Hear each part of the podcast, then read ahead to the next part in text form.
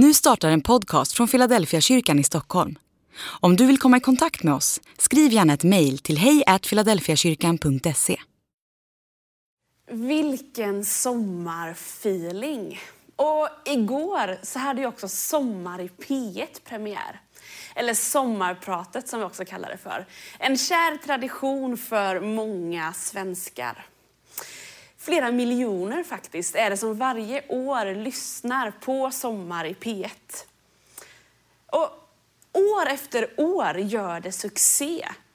Ja, men det är något speciellt när vi människor får lyssna på en annan människas berättelse. En personlig erfarenhet, en tanke, någonting man varit med om. Och få lyssna på det, det berör oss alla. Det är ju både kända och mindre kända och ibland är det den mest okända som är den som berör mest. Det är något speciellt i våra ord och personliga berättelser, eller hur? För det finns en kraft i våra ord. Vi kan välja att använda våra ord på olika sätt för att lyfta någon eller för att trycka ner någon. För att berätta något och beröra någon annan. Och idag tänkte jag prata lite om det här, hur vi kan använda våra ord. Med våra ord så tror jag att vi kan eh, ibland plantera frön i andra människors liv. Frön som får växa och leda till en fördjupad tro på Jesus Kristus själv. Så spelar det verkligen någon roll vad jag säger?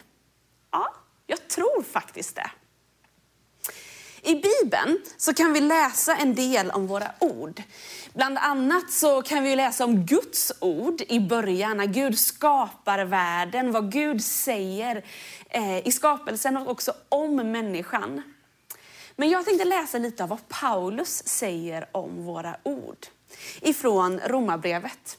I Romarbrevet kapitel 10 så finns det en passage som är ganska välkänd när vi talar om att komma till tro på Jesus. Hur du blir frälst, hur du blir en kristen. Jag ska läsa det stycket ifrån Romarbrevet kapitel 10, vers 9 och framåt. Om du med din mun bekänner att Jesus är Herre och i ditt hjärta tror att Gud har uppväckt honom från de döda, ska du bli räddad. Hjärtats tro leder till rättfärdighet och munnens bekännelse till räddning. Skriften säger ju, ingen som tror på honom ska stå där med skam. Det är ingen skillnad på jude och grek. Alla har samma Herre. Och han ger av sin rikedom åt alla som åkallar honom.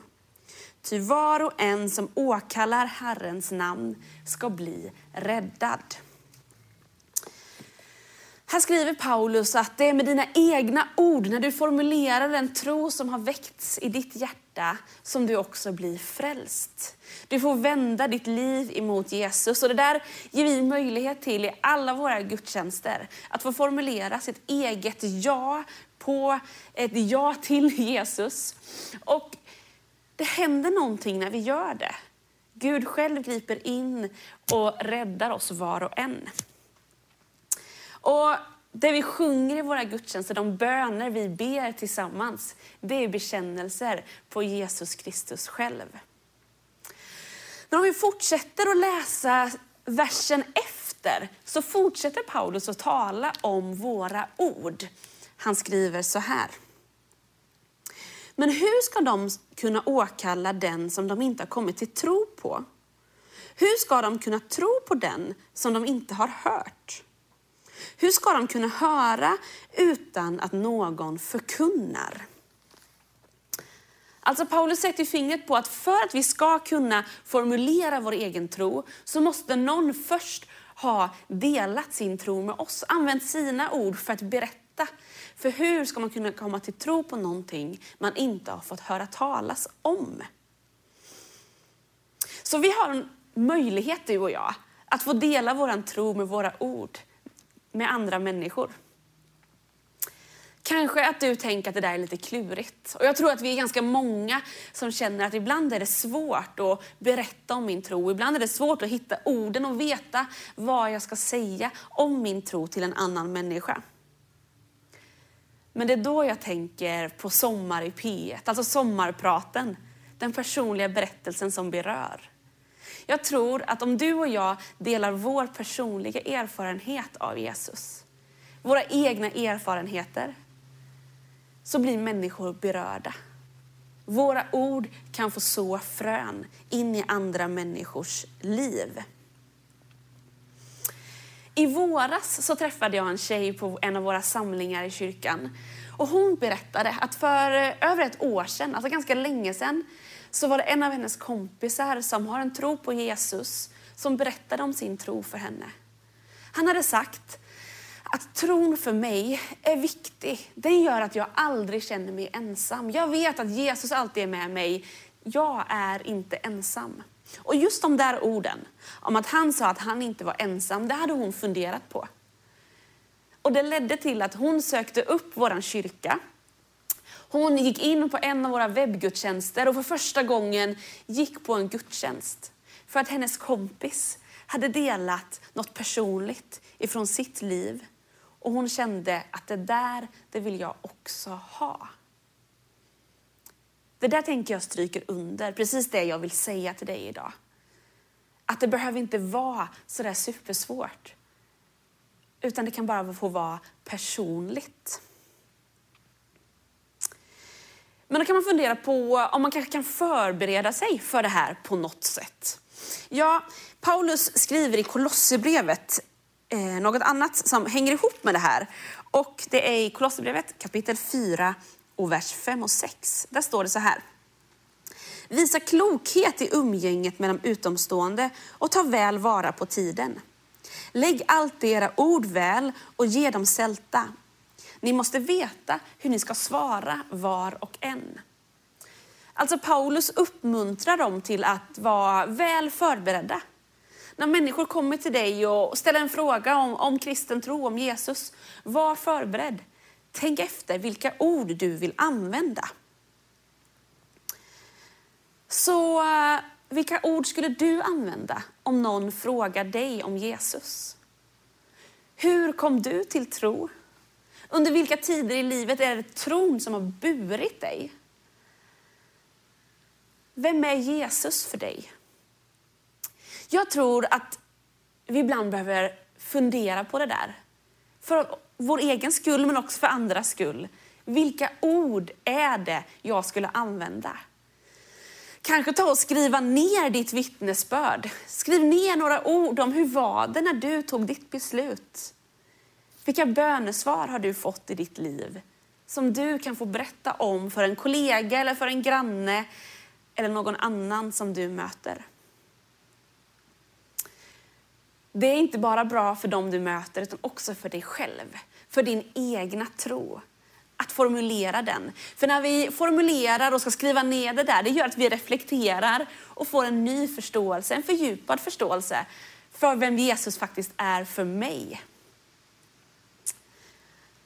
Sen skulle jag vilja säga till dig som är förälder eller du som har barnbarn, syskonbarn eller andra barn runt omkring dig.